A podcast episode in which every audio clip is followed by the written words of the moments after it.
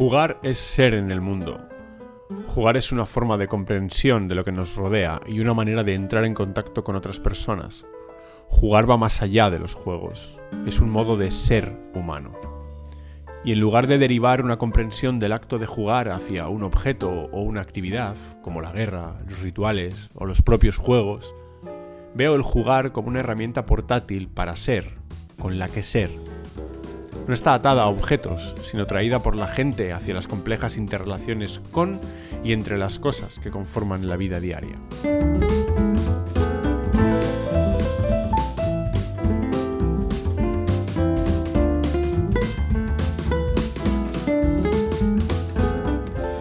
Sigueu benvingudes i benvinguts altra vegada a Tàndem. Comencem aquí un nou programa d'aquest podcast sobre literatura infantil i juvenil i mediació literària. Soc el Guillem, mestre, defensor de les biblioteques escolars i hobbit en potència. I m'acompanya, com sempre, la Marina, editora, lectora empadreïda i motivada de la vida. Hola Marina, com estem avui? Hola, Guillem. Uh, la veritat és que venc amb moltes ganes. Me dóna la sensació que dic això a cada programa, però... és, és que, que sempre vens amb moltes tot, ganes, exacte, no? Exacte, en tots és vera. Això de motivar de la vida no és... Um, també intentaré parlar més lent, perquè not que sempre vaig molt accelerada en aquesta primera part de... Per, perquè vens tot el dia d'anar fent coses, fent coses, fent coses... I tot me fa moltes ganes! No, um, me fa moltes ganes no només pel tema que tractarem avui, que crec que és molt interessant, sinó també per la persona que avui ens acompanya, perquè també quan estàvem fent el màster, que crec que és la frase més repetida... Sí, són pesats de... amb això, però és el que hi ha. No mos paguen. Uh, van tenir la, la sort de poder gaudir d'una petita uh, xerrada mm -hmm. uh, a Casa Anita, de fet, sí. um, d'aquest convidat, i me pareix molt bonic aquestes sinergies que se creen tants anys després um, sí. amb, amb els convidats. I Realment va ser una conversa molt trencadora. Jo m'ha deixar um, meditant una, uns quants dies, sobretot sí. per la visió um, teòrica que hi havia al darrere, que jo venc de teoria de la literatura i m'interessava molt, sinó també perquè no sabia molt bé com, com posicionar-me, però anem a, a, a començar uh, el programa i ja veurem si sortim amb, amb les coses més clares. Però no podríem estar més il·lusionats d'anunciar que avui està amb nosaltres a Tàndem el Lucas Ramada. Hola, molt content d'estar amb vosaltres. Que bé. Eh, bueno, sigues molt benvingut. Jo avui he de dir que he vingut amb, amb el cervell, allò, he descansat abans de venir. Molt bé. Perquè recordo els dos cops que l'he escoltat i recordo sortir de, dels, dos, dels dos dies pensant, uau, vale. O sigui, de, de necessitar un temps de, de, de mastegar-ho i d'anar-ho païnt, no? Clar, Tot això. d'oxigenar neurones I i avui he de... vingut amb ganes de més, així, de sortir un altre cop igual o, o, o millor. Però bueno, perquè crec que és una cosa superinteressant que et passi això, perquè al final això et fa avançar, d'una manera o altra, i... però fa avançar. En fi, eh, tenia moltes ganes de que vinguessis i tenia moltes ganes d'escoltar-te. Um, per mala sort, el format ràdio no ens permet que ensenyis les obres que, que, sí. que allà en aquelles formacions sí que ens vas ensenyar sí. o, o que puguis... Però bueno, ja, ja ens en sortirem d'alguna claro. manera o altra, eh? Però bueno, com sempre, abans de començar, fem una petita biografia, eh? Mm, com sempre, corregeix el que, el que bonament consideris. Mm, a veure, en Lucas és llicenciat en Filologia Hispànica a Oviedo i és doctor en Didàctica de la Llengua i la Literatura i és especialista en ficció digital, infantil i juvenil. Ha impartit múltiples formacions sobre aquest aspecte, tant a la universitat com en biblioteques com en altres col·lectius, i ha treballat per la divulgació d'aquesta matèria. També col·labora amb el grup Gretel, és investigador i docent. Per altra banda, també ha sigut comissari en diverses exposicions relacionades amb la ficció digital, com per exemple la Zoom al CCCB, i eh, també ha sigut, per exemple, jurat al Premi Digital de Bologna, cosa que és xula. I per acabar hem de dir que té un perfil d'Instagram molt recomanable que es diu Esto no va de libros, que us recomanem, ja per això és recomanable, no? Eh, que us hi fixeu i que hi aneu perquè és molt xulo. Ens hem deixat alguna cosa, Lucas? No, que soy hijo de maestra, de la, de la, de la pública, que eso es importante siempre. És molt important. Aquí queda. A veure, ens comen... Abramos el caballo de Troya. Vinga, ens comencem a endinsar un món que segurament no és tan conegut per tothom, o com a mínim la primera vegada que et vàrem escoltar, ens vam quedar, què? Mm. No havíem, no, jo no havia sentit um, xerrar d'això mai. Uh, començarem per la pregunta que a jo m'ha sorgir la primera vegada que et vaig conèixer, que era que és la, la ficció digital, no? Tu, la teva investigació l'has centrada, um, o sigui, l'has emmarcada dins Gretel, que al final s'encarrega d'estudiar l'educació literària, no? la didàctica de la literatura. Quines diferències hi ha entre estudiar ficció digital i estudiar els videojocs, si és que n'hi ha? Eh, bueno, Directamente es una cuestión de perspectiva, yo creo, ¿no? Creo que hablaremos bastante de esto, porque la cuestión de las categorías y las etiquetas, cuando, cuando hablamos de, este campo, siempre sale mucho, porque la gente necesita colocar las cosas y entenderlas y saber exactamente de qué hablamos.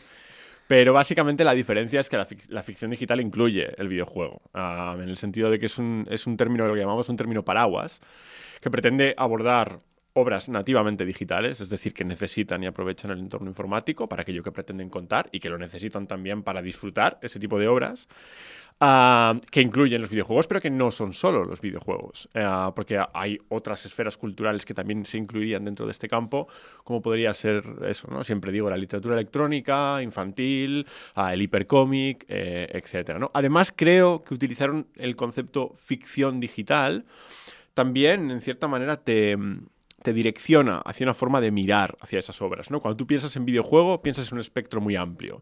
Y la gente a veces se pregunta cosas como, bueno, pero ¿qué? De un juego narrativo al Tetris o al FIFA eh, hay mucha distancia. ¿no? En cambio, si utilizas ficción digital, aunque uno luego pueda defender que el Tetris es ficcional, incluso lírico, que el FIFA tiene una narrativa emergente o lo que sea, ya uno va con una especie de estado mental de querer leerlo, ¿no? que es a mí lo que realmente me interesa. Hmm. Parlant de, parlant de llegir, ja que, ja que ho has posat a, així en safata, què entens tu per lectura? Uh, buf, eh, bueno, la lectura... O sea, un acuerdo de mínimos que sería la descodificación de un sistema de comunicación concreto con unas normas concretas.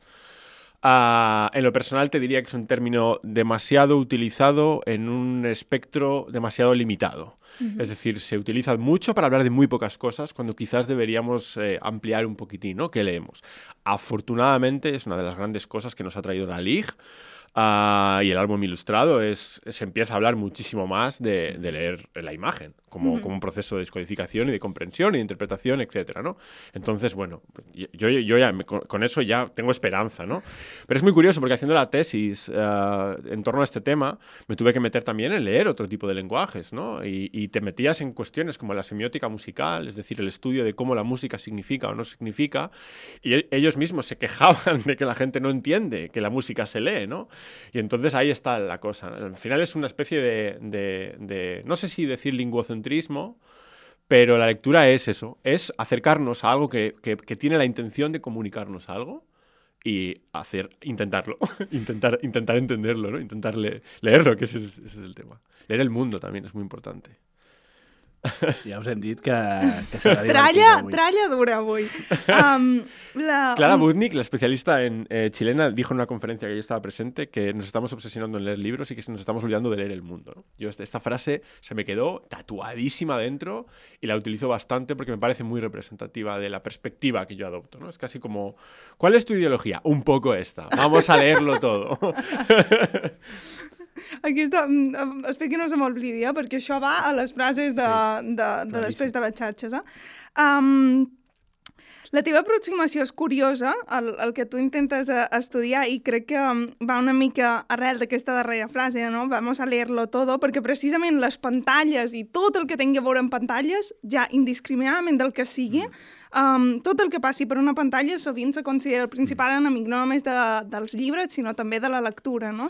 Um, és que m'apareix molt subversiu que precisament intenti ajuntar aquestes dues qüestions. Sí, cuando, cuando, cuando cuando me siento muy subversivo, vuelvo a la escuela de fantasía de Rodari y veo que lo que yo estoy diciendo lo dijo él hace 50 años, ¿sabes? De 40 años, porque si te paras a pensar en, en, ese manifiesto que hizo sobre recomendaciones para eh, que las criaturas dejen de leer, habla, habla precisamente de cómo mm. insistir mucho en que la televisión y el cómic es un enemigo de la lectura, al final lo que va a conseguir es alejaros de la lectura, ¿no? Entonces al final, yo a veces me siento como, como, como un DJ, ¿eh? como un productor de bases, que realmente lo que hago es hacer un remix de todo lo que he aprendido genealógicamente, de todo lo que he leído hasta ese momento y aplicarlo un poquitín a un campo en el que, bueno, desgraciadamente no se está aplicando mucho. Entonces, eh, claro, es lo que tú dices. Hay varias cosas. Uno, que esto siempre se dice, con todas las cosas que no son, la lectura, es además la lectura en libro específicamente. Y luego está el tema de que el discurso en torno a las pantallas está extremadamente polarizado hacia dos lados. Están los tecnófobos o los tecnófilos. Mm. Y bueno, ni tanto ni tampoco. Hay que ver exactamente qué hacemos. Una pantalla, un ordenador es un medio y luego hay que ver exactamente qué ocurre en esas pantallas. Y no solamente qué ocurre en las pantallas, sino qué se está haciendo con esas pantallas, cuáles son las dinámicas de relación de la infancia y la adolescencia con el contenido que tienen delante. Dejar de, dar por supuesto también sería importante para tener este debate y empezar a, preguntar, a escuchar y a entender el, todo. Desde, desde, lo que nos puede parecer más cercano hasta lo más alejado, para, para ser justos, yo creo. És que estava, estava pensant... Està que... oxigenant neurones. Sí, no, no, és, és, té, sentit. És a dir... Te lo compro. Jo abans de venir m'he mirat vídeos del Lucas fent, explicant coses i, i fent entrevistes, una que va fer aquí a BTV, de fet, a Terrícoles, sí. amb, amb el David, amb David Guzmán. Exacte. Sí. Eh, I deia una cosa que em va semblar curiosa, perquè entre moltes altres coses deies que no sé si ho deies aquí o en una entrevista et van fer al CCB, ara no me'n recordo, però deies que la literatura digital no existeix ja. Mm. Eh, quan vam fer, fa anys, era el 2016, 2017, 2018, sí. més o menys, eh, aquestes, aquestes dates, les formacions, eh, ens parlaves de literatura sí. digital i ens deies, mira, aquest, aquest, utilitza no, aquest espai digital per explicar un conte, llavors parlaves de cert d'uns determinats... Mm, d'unes determinades obres. Ja no existeix la literatura digital? uh... Arribat tard. No, no. Eh, a ver, o sea, entiendo como el. el ¿What? Eh, de repente ya no existe. Más que nada porque yo tengo una tesis de 600 páginas que va sobre literatura digital infantil y juvenil. Y siempre digo esto: que mi conclusión después de terminarla, cuando cierras y dices. Mi conclusión principal es que esto no existe. Llevo cinco años y pico estudiando como un loco, además, porque la tesis es muy densa, teóricamente. O sea, es, es, es hardcore, ¿eh? la tesis.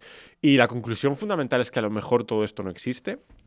Y, hay un punto también de justicia en que, y de coherencia al respecto de cómo yo normalmente hago, hablo de todo este tema. Entonces, eh, decir que la literatura infantil y juvenil digital no existe también tiene que ver con complejizar la propia etiqueta, con intentar abrir también las puertas.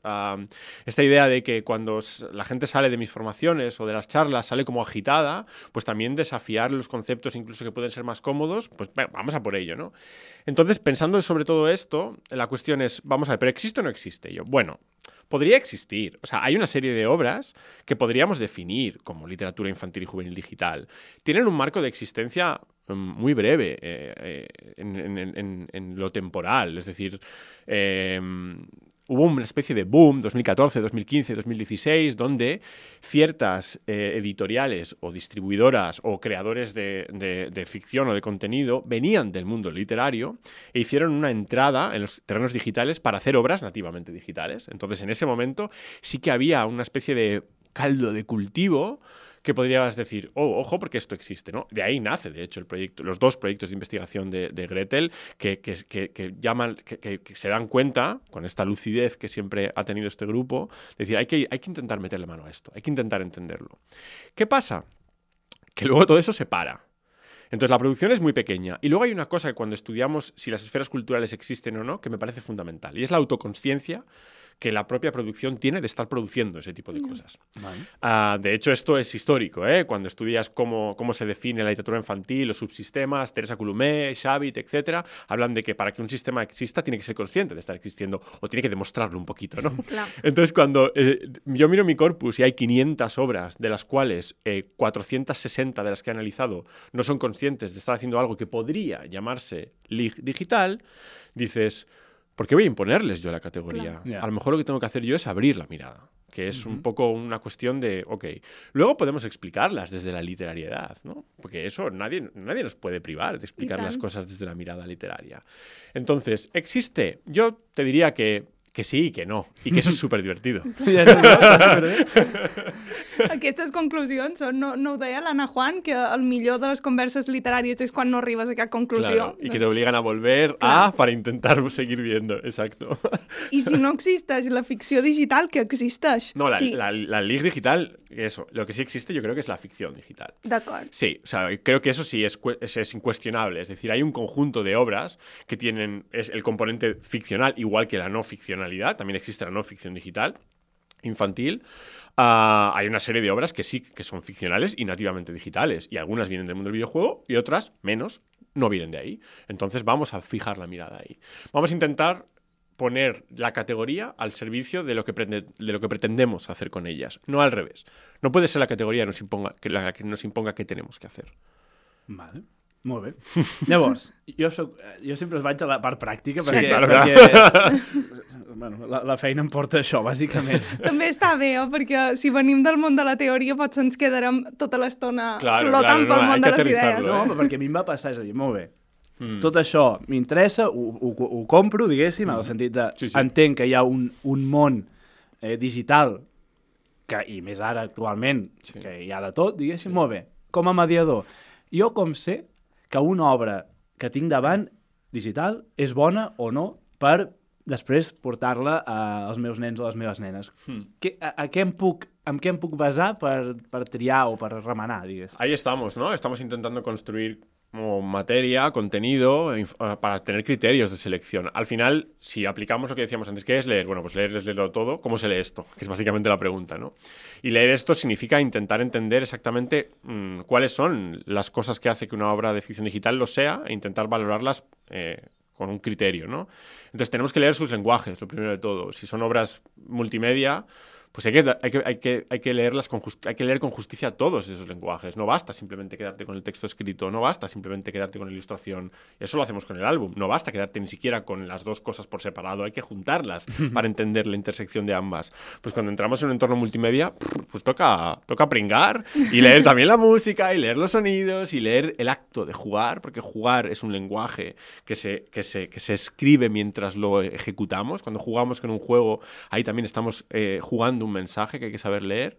Y luego, lo mismo, todo eso, ponerlo juntito y ver, ok, todo esto junto, ¿qué me está queriendo decir? Entonces, esa lectura crítica de todos sus lenguajes es, es fundamental para, para valorarlo.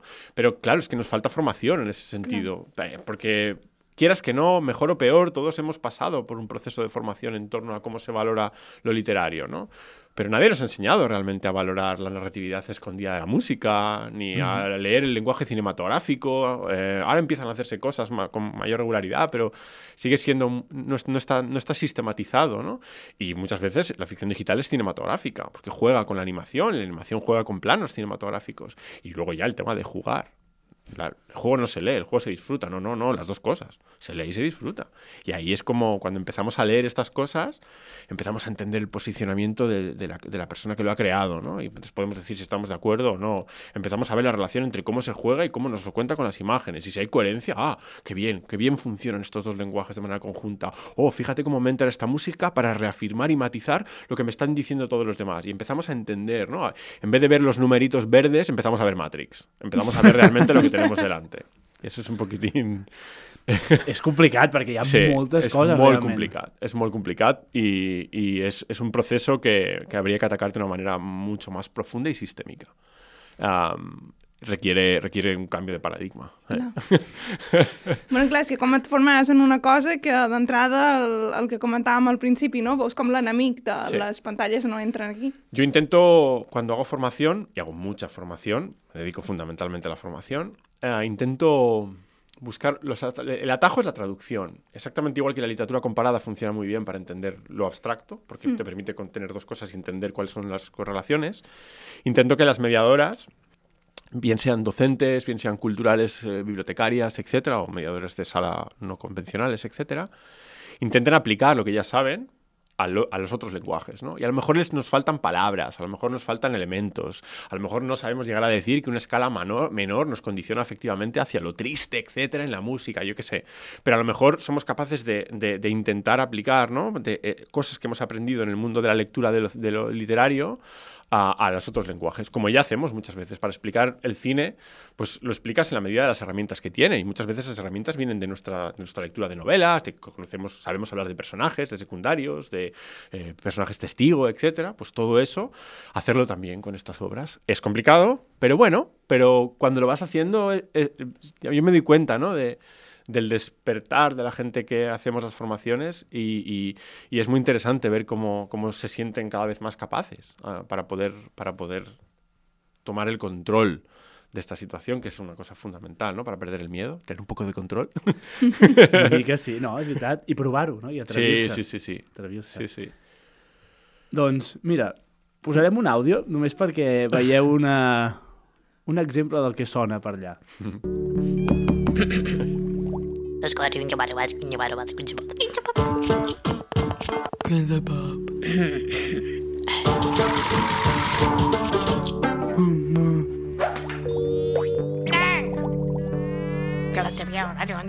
Kebab.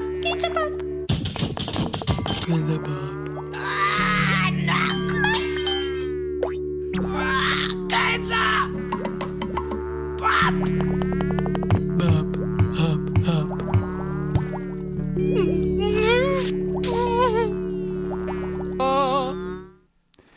Què, què acabem d'escoltar, Lucas? Explica-ho tu. Bueno, está clarísimo, ¿no? Claro, claro, o sea, eh, Chuchel se niega, o sea, está enfadadísima porque está amablemente pidiéndole a la persona que tiene, al, al personaje que tiene delante, que le dé la cereza, por favor, que tiene dentro de su interior, y la otra persona, la pobre, no lo entiende nada. Y entonces Chuchel se enfada y se enfada.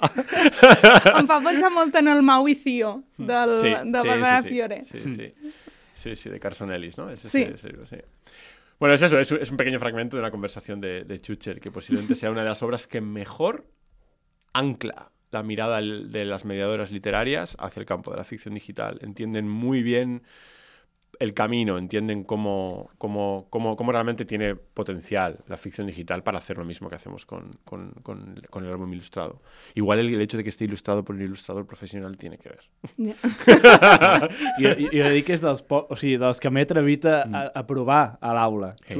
I, el- i el Despot, el Sí, del David. Però, David bueno, aquí hi ha una diferència. O sigui, ho dic així, llavors tu després Sí, em, em claro. dius, perquè realment quan jo ho he provat, els meus nanos tenen això, 9, 10 anys, ho he provat amb, amb més grans i amb més... Però bueno, la resposta si fa o no fa Mm. és la mateixa. Amb, el, amb Xutxa sí que hi entren molt fàcil, Mhm. perquè al final han de seguir una història i, i, coneixen, no? És que han de trobar aquesta, aquesta cirera Mhm. i van fent. Llavors va apareixent altres coses, però els hi costa esperar Sí. a que, a que la cosa. Perquè quan tu toques una cosa a la pantalla has d'esperar una estona a que Mhm. passi alguna cosa. I aquest moment és horrible. Comencen a... De eso también podemos hablar, ¿eh? porque es una cuestión de las expectativas que arrastran de otros tipos de juegos Sí. que tienen respuesta inmediata y cómo... eh, de- también depende de la situación que creemos de juego. ¿eh? Mm. Eh, en el momento en el que en el que son capaces de ver que realmente lo interesante de Chuchel es esa espera, porque es realmente lo interesante, ¿no? Lo interesante de Chuchel es una obra en la que tenemos que hacer rabiar a Chuchel, incluso equivocarnos voluntariamente para no, no poder avanzar. Es la escena que, que- escuchábamos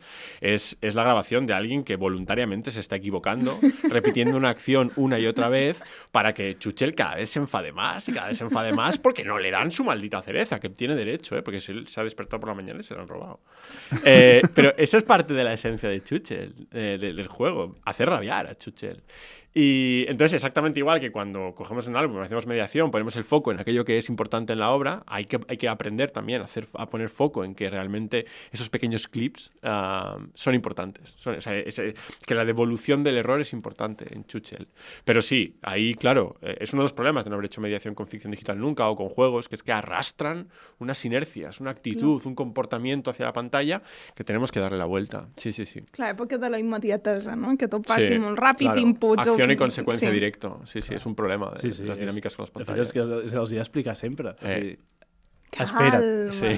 I mira què passa Clar. i com passa. I després ja, si de cas, ja aniràs fent. Mm. És veritat que a mesura que ho van fent, com que ja ho van entenent, la Exacte. cosa va, millora Sí. molt.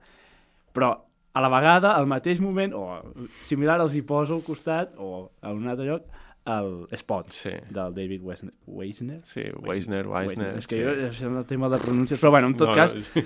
i aquesta sí que els hi costa horrors Bueno, es que es muy complicado. de... Es muy complicada esa obra, ¿eh? Es una obra muy desafiante. Es una obra, para empezar, que no tiene fin.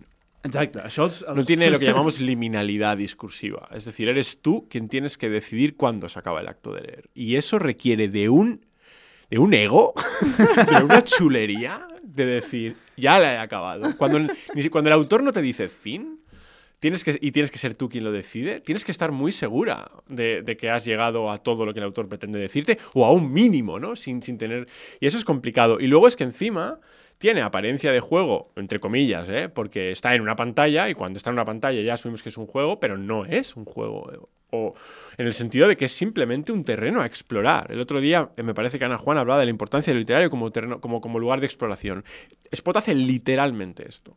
Es un terreno de exploración ficcional. Y claro, eso requiere combinar habilidades de, de, de- de lectura activa, porque tienes que darte cuenta de que están ocurriendo cosas, pero también de contemplación. Y hay muy poco trabajo en torno a la, al- a- a la contemplación de las criaturas. Hay muy poco, o sea, no, no- no- prestamos muy poca atención a, a enseñarles y acompañarles en la contemplación y a, y hacer- construirles espacios seguros para que puedan sentir que contemplar no es perder el tiempo. Y, y Spot va directo, es una flecha a esto. Es una flecha, pero no solamente con las criaturas, ¿eh? con todo el mundo, por eso. Es, es una- es- es complicado, es complicado. Mm. És curiosíssim. Yo cuando hago mediación con, con Spot, con criaturas, eh, eh, hago una especie de juego que es... Primero entramos, creo que es importante que vean el vacío, el, va- el vac- el vacío, o sea, el- el agujero negro que es Spot, ¿no? Y que se sientan un poquitín sobrecogidos. Después, para intentar que, eh, que lo naveguen con propósito, les digo que investiguen qué está ocurriendo. ¿no? Me parece muy interesante el acto de explorar exactamente qué está ocurriendo, si hay, si hay, si hay, re- si hay constantes, si hay diferentes personajes, si hay protagonista o no hay protagonista, y eso les lleva a pensar que es un protagonista. Como siempre, para llevar una obra complicada a un aula, es muy importante preparársela muy bien y saber exactamente el, el- el modo para llevarla, ¿no? Aún así, sentirte incómodo con Spot me parece ya como algo interesante hacer. Porque es interesante estar incómodo con la, con la ficción. No, jo, jo posava aquests dos exemples com a, com a idees d'obres de que parlant de ficció digital. Y canónicas, además. No? I, del i a més d'aquestes Sí, que, sí, que sí, les sí. dues formacions que vaig fer doncs, sortien, no? A banda d'aquestes dues, uh, quines altres per un mediador que, o mediadora que s'hi vol posar Sí. recomanaries de mira't aquesta, o prova aquesta, o fes aquesta? Sí, en vez de soltar como mm, fil- o sea, nombres y nombres y nombres, recomiendo mucho que, que- que la gente visite el documento este que hemos sacado con, con la, con la eh, red de bibliotecas de, de la Diputación de Barcelona, porque hay un recopilatorio de 11, 10 obras que puede ser muy interesante, además divididas por franja infantil y juvenil, y encima recomendadas por gente que, que las ha mediado en las bibliotecas. Es decir, cada una de las obras en este documento eh, tiene una pequeña explicación de por qué interesa, ¿no? Y siempre está bien ver la voz, para empezar, dejar de oírme a mí, que eso es algo muy importante, empezar a oír otras voces, que eso es fundamental. Eh, pero bueno, en, en ese documento están, pues Chuchel está, evidentemente, pero hay otras obras también de, de, de Amanita Design, que es el, estudio de videojuegos que hace estas obras, como Botánicula, que es una delicia, o Samoros 3. am, es- hay otras también interesantes como, como Hidden Folks. Se queda fuera eh, por una cuestión de público una de las que me parece más interesantes, que es Metamorphabet, que es este abecedario interactivo ilustrado de Patrick Smith, de Vector Park, que es una delicia. La gente a veces me dice, ah, para aprender vocabulario. No, para entender que jugando también hay poesía, que es realmente lo que es eh. Es un poemario interactivo, una transición de ideas, que lo que hace es sorprenderte, ¿no? En la medida en la que fluye. Y es que eso es un, poema, ¿no? Em, no sé, o sea, a, ver, hay, hay menos de lo que me gustaría, ¿eh? yo voy a ser honesto, hay menos de lo que me gustaría, hay menos corpus de lo que me gustaría. También creo que hay más de lo que, eh, de lo que, de lo que estamos ejecutando, porque hay cosas que son difíciles de ejecutar por una cuestión a veces idiomática, hay un problema enorme de traducción, evidentemente eh, eh, al catalá el problema es mm, eh, eh, titánico, pero también en castellano hay cosas que, que haría falta empezar a traducir, y segundo porque, bueno, mm, la tecnología siempre a veces es un problema, ¿no? Por ejemplo, Spot solamente está para los de la manzanita, y eso es un problema. Que algo solo esté para la manzanita es un problema. Entonces, bueno. M'encanta amb això d'aquest últim que has comentat, no? com fins i tot amb la ficció digital o intentant baixar tot a l'utilitarisme de uh, aquest que deies del metamorfos. Sí, com, metamorfabet, sí. com intentes, no?, de... Ah, és per aprendre a llegir. Es- Ostres, sí, no encima tot ha es- de servir per alguna cosa, no? Sí, es que encima el digital arrastra una mirada muy anglosajona con lo cultural, ¿no? Que esto es muy. Bueno, que como me, tiro a, me tiro a la piscina a saco, pero que lo es realmente. Muy de que el tiempo libre de la infancia tiene que servir para después lo que vas a hacer de mayor, ¿no? Y ese utilitarismo muy cultural anglosajón está muy omnipresente en, en- en la producción digital. De hecho, lo que se llama el software infantil en los estudios grandes tiene su, su punto álgido con el edutainment, con el entretenimi- entretenimiento educativo a finales de los 90. Cuando tú ves la página, la sección de niños de la App Store o de la Play Store, la mayoría son, son, son obras de, de- de- para aprender cosas, ¿no? Y, y entonces hay un problema, si, si en la LIG ya es un problema, en la, en la ficción digital infantil, en el contenido del software educativo infantil es, es- es- es un problema enorme. Y también un problema porque cuando los creadores y creadoras se paran a pensar en si deberían o no deberían hacer contenido pensado para la infancia, evidentemente lo primero que piensan es, no, porque no quiero hacer nada educativo. "Eh, eh, es que no, no cal, no cal. No, no, es que Chuchel mm, es una obra maravillosa y canónica respecto a lo que significa comunicar hacia la infancia. Y no te está enseñando nada, ni muchísimo menos. O sigui, està passant una mica com passa també a la literatura Clar. de, de text, de- de- d'aquests llibres de- d'autoajuda, que estava pensant en llibres d'autoajuda o, Mm. o aquests de... Això, per aprendre a sumar, per aprendre, i ens oblidem de, pues, Clar. per, per aprendre a mirar ima, eh, les il·lustracions o la que sigui, no? per, per, per tirar endavant i que no sigui una cosa útil. Claro. Pa- Sí, sí, el mero hecho de que, bueno, la ficción digital es un medio y un medio para contar cosas y para la expresión de quien decide contar cosas. La etiqueta infantil y juvenil es simplemente que tiene en consideración lo específico de lo que es la infancia y la adolescencia. Y realmente hay muy poca gente interesada en crear y expresar el, el universal humano a- para la infancia dentro, dentro de este campo. Nos, lo, que, lo que estamos haciendo es aprovechar las cosas que se están haciendo porque realmente hay muchas cosas que son muy interesantes para estos públicos. Pero encima el videojuego también arrastra esta cosa, ¿no? De que es para niños, es para niños. Y, cuando, y entonces ahora hay un, un movimiento contrario, ¿no? Del pro- el mundo del videojuego intenta ser más adulto que nadie, ¿no? Y, y- y cualquier cosa que tenga que ver con la infancia, no, no, porque el videojuego es adulto ya, es un medio maduro, con este lenguaje además, ¿no? Como... como eh, infantófobo. Eh, y bueno, eh, bueno, llegaremos ahí, exactamente igual que llegamos, llega- llegamos en la lita infantil y, Claro. y hasta el punto de que casi arrastra a la industria editorial. Ah, Guay, en, sí, en al- sí. en algún momento espero que lleguemos a entender la importancia de que tenemos que crear cultura digital de calidad para la infancia ah, si queremos si queremos ser justos con el mundo, básicamente. Sí, sí. I per aquelles mediadores i mediadors que ens estan escoltant que, bueno, que ja poden, ja te coneixen, poden contractar per fer formacions. El Lucas és molt simpàtic, va amb els seus iPads per tot arreu. Sí. Um, què, què ens aporta la ficció digital um, des d'una vessant d'educació literària, no? Què pot aportar aquí? Es lo que decíamos antes, ¿no? Eh, ¿Qué aporta, por ejemplo, la literatura comparada? ¿no? Pues una mirada como desde otros lugares a un elemento común. Y, y- y esto, es, es- esto es algo que aporta muy bien eh, la ficción digital. Es muy interesante porque cuando, esta- cuando se estaban creando lo que se llaman las interfaces gráficas de usuario, es decir, Windows, Windows por en vez de con código como, como los ordenadores antiguos, pues con iconos y ventanas y tal y cual, utilizaron en- como base eh, eh, teórica la- la- las teorías de Brunner sobre las diferentes puertas de entrada al conocimiento. Es decir, que cuanto más lugares para entrar a cómo entendemos el mundo ofrezcas, mejor se comprende el mundo, porque se complementa muy bien, etcétera, ¿no? Ah, en cierta manera, lo que yo pretendo es, es esto, ¿no? Es, bueno, porque vamos a entender la ficción o lo literario simplemente a partir de una modalidad de lo ficcional y literario, cuando realmente encima el mundo no funciona así. Los ecosistemas, los ecosist- los ecosistemas culturales eh, que rodean a la infancia no son exclusivamente novelescos, porque esa es otra. Encima, cuando se habla de literatura, normalmente se habla de, de narrativo, de novela, etcétera, ¿no? No son exclusivamente así. ¿Por qué vamos a quedarnos ahí? Vamos a intentar entender la poética a partir de otros lenguajes. Vamos a intentar entender cómo puedo jugar lo lírico. Vamos a intentar ver cómo puedo ver cómo se pueden construir simbologías desde lo musical y después todo eso utilizarlo para leer mejor el mundo, ¿no? Primero porque nos da más herramientas y segundo porque la educación ha de ser radicalmente contemporánea o es injusta. Eso es clave. La, la educación, hacia la, educación para la infancia ha de ser contemporánea. No, no, no hay opción en este sentido. No podemos educar en el pasado. No es justo para ellos y para ellas. I com apropem aquesta infància a una cultura digital de qualitat? Com ens ho fem per unir aquestes dues... acercándonos nosotros primero a ellos y a ellas, yo creo. Creo que primero tenemos que... Creo que se lo debemos también, eh, en el sentido en el que si lo institucional les ha fallado durante tanto tiempo, y lo ha hecho, porque hablamos de una forma de cultura que tiene una penetración del 80% en, en la vida privada y la presencia en programas institucionales oficiales es prácticamente nula, les hemos fallado. Entonces, pero eso no quiere decir que ellos no hayan construido ya una identidad cultural digital. Vamos a escucharla primero, vamos a intentar entender qué está ocurriendo, vamos a preguntarles qué estáis haciendo con todo esto, vamos a intentar entender cómo son sus formas de comportamiento.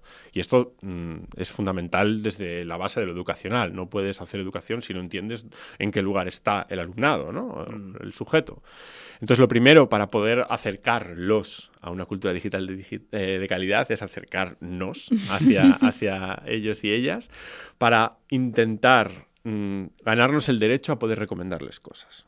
Y entonces, mientras nos acercamos, también nos vamos formando y vamos construyendo nuestra propia identidad y vamos seleccionando las cosas que creamos que, que creemos que merezcan la pena.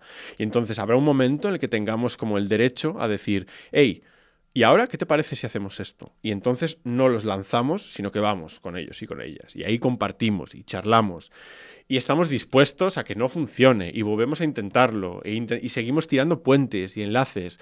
Y hacemos lo que se debe hacer, que es construir ecosistemas plurales de formas de ficción con todo esto. Ofrecer la oportunidad de que conozcan, pero ganándonos el derecho a poder proponérselo, yo creo. Estaves dient, quan, quan ens has uh, citat aquest document de biblioteques, mm. que ja estava bé sentir altres veus que no fossis tu. Perquè, clar, realment és que quan penses en ficció digital, Sí. sí. és que veiem la teva cara. Um, falta cultura digital. Sí, I me... Quan estem al llit eh, pensant en això, apareix... A veure, Guillem, entre que li has dit abans de venir mirava vídeos, així Ja, ja, sí. aquest senyor s'ha d'imaginar que tenim la casa empaperada amb fotos seves. No que ramada forever. A veure, um, jo estava fent una pregunta seriosa. Um, doncs això, si falta cultura digital i mediadors dedicats i formats en aquest món, que, spoiler, Sí, sí. m'imagino que sí. Sí, sí, claro, hace falta, hace falta mucho, hace falta muchísimo. Eh, además, yo estoy, yo, yo estoy contento porque empieza, hay mucha diferencia. Cuando yo empecé a hacer todo esto, eh, era un Cristo mucho más grande, ¿eh? O sea, costaba muchísimo más y ahora, y ahora ya la sensación es diferente. Am, pero es fundamental que haya más voces, que haya más experiencias, que haya más gente, porque es fundamental para, para ir construyendo poco a poco conocimiento, en- conocimiento en torno a un campo. Hace falta pluralidad de voces, hace falta diferencia de miradas, diferencias de intereses. El ejemplo, por, por ejemplo, que alguien por favor se encargue de la no ficción digital. Me apetece mucho leer a alguien hablar de no ficción digital, me apetece mucho aprender, me apetece mucho eh, poder, poder curiosear un campo eh, estudiado sin la necesidad de, yo qué sé, de tener que, que- que arar yo mismo la tierra, Claro, ¿no? Un claro, poquitín. Eh, y, y me parece, y me apetece también que alguien coja lo- las cosas que yo dice y me diga, pues yo creo que no estás, que esto no es así, hermano y poder discutir, porque eso, eso solamente genera crecimiento intelectual, ¿no? La- la- el choque y todo eso. Entonces, sí, sí, hace falta mucha formación, hace falta más estudios, hace falta más apoyo institucional para que esto ocurra, hace falta crear espacios de trabajo y de experimentación seguros para que la gente pueda equivocarse, para que pueda hacer cosas sin miedo a que la, pen- la- la equivocación o, o- o sea un- una penalización, ¿no? que nos dejen probar cosas sin que tener que rendir cuentas de una manera, ¿no? En bibliotecas, pues han venido 250.000 personas a mi biblioteca. Bueno, no, a lo mejor no, a lo mejor, o no, no sé, o... No sé, me parece, me parece que hace falta más apoyo, más formación, más I, todo. I si jo tinc interès per formar-me, Sí. a on puc formar-me sobre això? O com? O com? No O ho sea, sé, pre- pregunto, Ya, eh, no, per... sí. Bueno, el, el tema es. sea, formación oficial van saliendo cositas, ¿no? De aquella manera, mm, si nos ponemos románticos, podemos decir como, lo- como a los bullets al bosque. encuéntralos, ¿no? pero, pero bueno, sí que hay, ¿eh? Por ejemplo, en, en Cataluña yo anualmente, ahora mismo, mm, hay, un, hay, hay varias cosas que salen regularmente. El curso del ICE de verano, por ejemplo, el curso del CESIRE que voy a hacer ahora eh, eh, también aquí. Entonces van saliendo cosas, pero es cierto que no es, no es suficiente un curso de un mes. No, no, o- Claro. y, y encima, no todo el mundo está pendiente de que alguien convoque, no sé, no- o sea... Pero eso, si a alguien le interesa esta cuestión, que esté un poco atenta, ah, que, que- que- que- no solamente que además que mire, sino a veces se puede, o sea, por ejemplo, el personal docente puede solicitar formaciones en los CRPs, en los CPRs o como se llamen en cada lugar del mundo, ¿no? Pues tienes una movida. Pero se pueden solicitar formaciones, solicitad, solicitad, eh, y si no, hay, hay bastante material de divulgación por ahí, que creo que la divulgación cumple como la función de que te pique el gusanillo, pero la formación tiene que tener pausa, reflexión, probatura, experimentación, diálogo, conversación, no, no conmigo, sino entre los profesionales, etc. entonces, bueno, um, pedir, pedid, pedid eso, pedid formación. Tinc una, que... tinc una altra pregunta, així, mira, I tant, directament. sí, La sí. faig molt ràpida. Vale, però espera, que volia comentar una Ah, cosa. ui. Ah, Ui. no, no, no, Va, feu-vos. que no. Que um, m'ha resultat curiós això que ha dit de no serveix un curs d'un mes, perquè crec que és una, una queixa bastant generalitzada Sí, sí. de És que si passa- falta sí. formacions continuades, joder, Sí. perdó. Um, M'he emprenyat, però... De, de cada vegada s'eliminen més espais, ara queda el de Sí. biblioteca escolar, però hi havia el de libros infantiles i juveniles, que Sí. decapitado, i dius, és que això vull una cosa més enllà de quatre sessions aïllades. Y además la diferencia de tener un espacio continuado a no tenerlo es brutal, ¿eh? Claro. O sea, y eso se ve en el laboratorio de ficción digital, que ahora es Ficción Joc, lo de la, lo de la Diputación de Barcelona, y es un, es un, es un, pro- es un proyecto que ha durado y sigue durando tiempo, y entonces el tipo de dinámicas que se genera cuando, cuando uno puede, cuan- incluso desde mi perspectiva, ¿eh? cuando yo puedo pensar una formación a un año vista y no a cuatro semanas que tengo que perseguir un poco, ¿no? En plan, por favor, haced esto y saltar de, saltar de repente de esta semana conceptualizamos la multimodalidad, la semana siguiente conceptualizamos el jugar, la semana siguiente pensamos en otro lado de la pantalla y es como la gente, la gente, claro, es lo que decíais de que es guay cuando yo llego y agito, está guay un ratico. Sí, Si estás, si estás, si me tienes encima un mes entero, yo entiendo que la gente diga, guau, necesito vacaciones después de hacer esta formación. Y, y en cambio eso, ¿no? Y, y que para aprender hace falta pausa. Es que hace falta pausa. Y, y entonces hay que generar estos espacios como continuados, calmados, comunidades de prácticas. Yo animo siempre a la gente que sale de los cursos a continuar en, en- a generar sus propios grupos de investigación, no de investigación, sino de prueba, que un grupo de, de WhatsApp donde se prueben cosas y se discutan a partir de las cositas que hayan ido quedando de los cursos, hacer un poquitín de guerrilla en ese sentido. Y a partir de la guerrilla pedir, pedir formaciones para continuarlas. Mm. Ara Faig la pregunta i ja Sí, està. sí, Eh? No, perquè hem parlat de- d'una exposició a Sí, Zoom. Zoom. Aquest tipus d'exposició en què ajuden a tot aquest... Eh, Esta en concreto, Zoom Claro. en concreto, eh, ayuda a que todo el mundo pueda entender en sus propias manos las posibilidades que tiene un medio como este. Mm. Y eso es clave. Que la gente entre a una lavadora cultural y salga centrifugada diciendo, ah, resulta que los videojuegos no son el Fortnite, el Clash Royale y el FIFA, sino que de repente em, puedes jugar a sentarte en un sofá a reflexionar sobre las relaciones afectivas del presente, a hacer de DJ multimodal en un juego como Panoramical, a compartir en unas- una pila de cojines eh, hombro con hombro un juego maravilloso como Chuchel, y eso es fundamental, porque lo que hace es ensanchar el horizonte mental de la gente, y eso es fundamental para poder navegar con más calma, pausa, cariño y justicia un campo como este. Entonces es clave, claro, es clave. Y, y- pero lo, lo ideal es que es que no sea Zoom, es que eso sean las bibliotecas públicas. Que las bibliotecas públicas sean Zooms todas, que tengan un lugar concreto para poder acceder a y que, el- de manera complementaria las escuelas armen para que la gente luego vaya a las bibliotecas y no solamente entre en contacto, sino que sepa qué hacer con todo eso. Es un proyecto como más allá de Zoom. No, no, super interessant. Estàs? Sí, ja... bueno, no. no, de fet no, Bueno, però... no te queixis, que ara jo ja, mm, jo aquí ja no existeix, comences tu, t'apoderes del podcast i te deixa amb la primera secció del Guillem.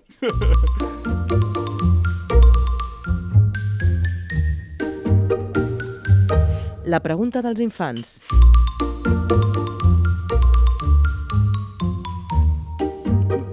que, que de fet, sempre que, que aquesta pregunta, penso, el dia que tenim la- l'àudio és, és com el, el dia fantàstic.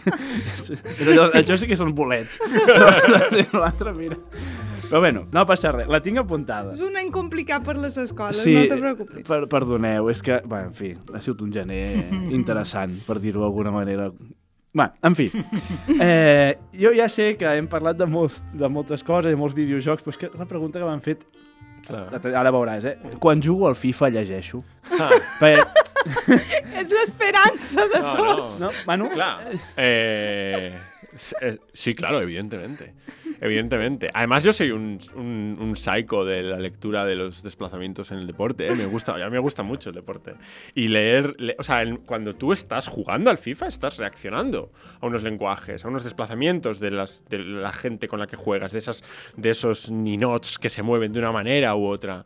Ah, estás leyendo un sistema, ¿no? Eh, un sistema de juego que tiene unas reglas concretas, lo descodificas, intentas leer los posicionamientos para intentar sacar ventaja de todo ello. Evidentemente es un tipo de lectura, ah, para empezar, poco consciente. Y eso ya es uno de, uno de los problemas, ¿no? Ah, el otro día hacía un, un- una- un- un taller con, con adolescentes y hablábamos de, de- de- del contenido ideológico que pueden tener o no tener los juegos. Y eso también es lectura, evidentemente, la de- el detectar. Y, eh, eh, y ellos decían que, que FIFA no que va a tener ideología, ¿no? Y entonces eh, hablábamos de, bueno, el hecho de que hasta 2020, 2019 no haya, no haya habido equipos femeninos en el FIFA es, es, es- es ideología, no es ideología, ¿no? Entonces el silencio, ¿no? Entonces, claro, leer todas estas cosas eh, es leer eh, mientras juego al FIFA, ¿no? Pero no lo hacemos porque, claro, los juegos no se leen. Como los juegos no se leen. Así que sí, estás leyendo, pero no se lo digas a tu familia que no va a colar.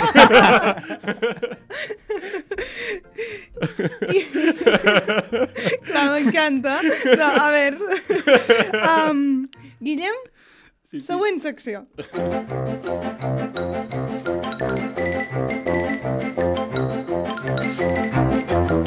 Les preguntes llampec.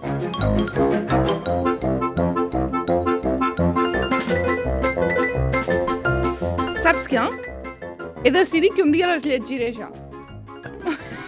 un dia m'apoderaré. Jo saps què estava fent? Ara estava llegint la música. Pensant, mira, la música de fet ja et porta a, a, al que són. Clar, Claro, te- clar. o sea, estás como condicionado a ir a, a un, con un, un mindset de alegría, ¿no? Vamos, vamos clar, a las clar, clar. preguntas. Perquè claro. al veure que abans de tenir aquesta sintonia mm, se'ns encantava sí, la gent s'encantava la massa, gent. però des de que tenim una sintonia la gent va Entra. per feina. Molt bé. Sí. Pues, veus? Veieu com sí que farem coses de cop? Val, això, preguntes i de resposta ràpida. Ujú. Primera pregunta. Digues un personatge de la literatura infantil o juvenil Mm. que et caigui realment malament. Tengo dos opciones y las dos las voy a decir súper rápido. Eh, el maldito pez de este no es mi bombín, el pequeño, en el que evidentemente disfruto cada vez que eh, es evidentemente aniquilado en, esa historia de clase. Y esa es como la que todo el mundo dice, ah, es verdad, es verdad. Y tengo como la, eh, polémica, que es no soporto a Elmer. No soporto a Elmer. Uau, No le soporto. no se l'havia carregat ningú encara. Por- no, no, me parece como, hermano, o sea, te estás quejando durante todo el libro de que eres, te- todo el mundo te, te identifica, te singulariza y luego acabas consiguiendo una cosa que encima es como una medianía, ¿no? Todo el mundo acaba disfrazándose un día de otra cosa, pero no se mantiene en el tiempo. Y él está como todo el rato, "Oh, pobrecito yo, soy diferente, todo el mundo sabe mi nombre, todo el mundo tal y cual. Hermano, get real, por favor. Meravellós. Ai, bueno, vinga, anem a la segona. amb quin autor, autora, creador, creadora eh, t'agradaria anar a aprendre alguna cosa? Esta la he pensado mucho. Me hubiese gustado muchísimo eh, estar un tiempo cerca de eh, Luis Rosenblatt. Haber escuchado, haber hablado con ella sobre la literatura como experiencia, eh, hubiese sido un lujo. Así que si alguien no conoce a Luis Rosenblatt, que la lea y que la disfrute, porque es clave para entender muchas cosas de, de lo que significa la experiencia en torno a, a lo cultural, ¿no? en concreto la lectura, però me hubiese encantado. Sí, sí. Aquests són els convidats que mos agraden, que duen els deures fets. Home, ja. Vol dir que s'ha escoltat algun altre podcast en algun Home, moment? claro, no, saber- sí, sí, yo vengo Però aquí, no, perquè ¿no? fins i tot hi ha convidats que venen, ho saben, i encara se filla dels previnguts, i dius, però a veure. I l'última. Vinga, l'última. Quin llibre, quina obra, jo t'ho No, no, obro, llibre, llibre. Eh, no pot faltar mai a la teva tauleta de nit? Winnie the Pooh, Winnie the Pooh. Es como, sí, sí, es mi lugar seguro eh, favorito. Eh, sí, sí, Winnie the Pooh. Está en mi vídeo de Twitter, ¿eh? O sea, el final de mi vídeo de Twitter es Winnie the Pooh. No hay más que decir. Fantàstic, no? Fantàstic. Lucas, moltes, moltes gràcies per No, compartir el teu temps i el teu coneixement amb nosaltres. Uh, M'han anat més enamorats cada vegada que t'escoltam. Estem desitjant ja que tornis a venir al programa per xerrar amb tu. Com vulgueu. I res, amb vosaltres, els nostres uh, formidables oients, com vos diu en Guillem, mos escoltam en el següent programa.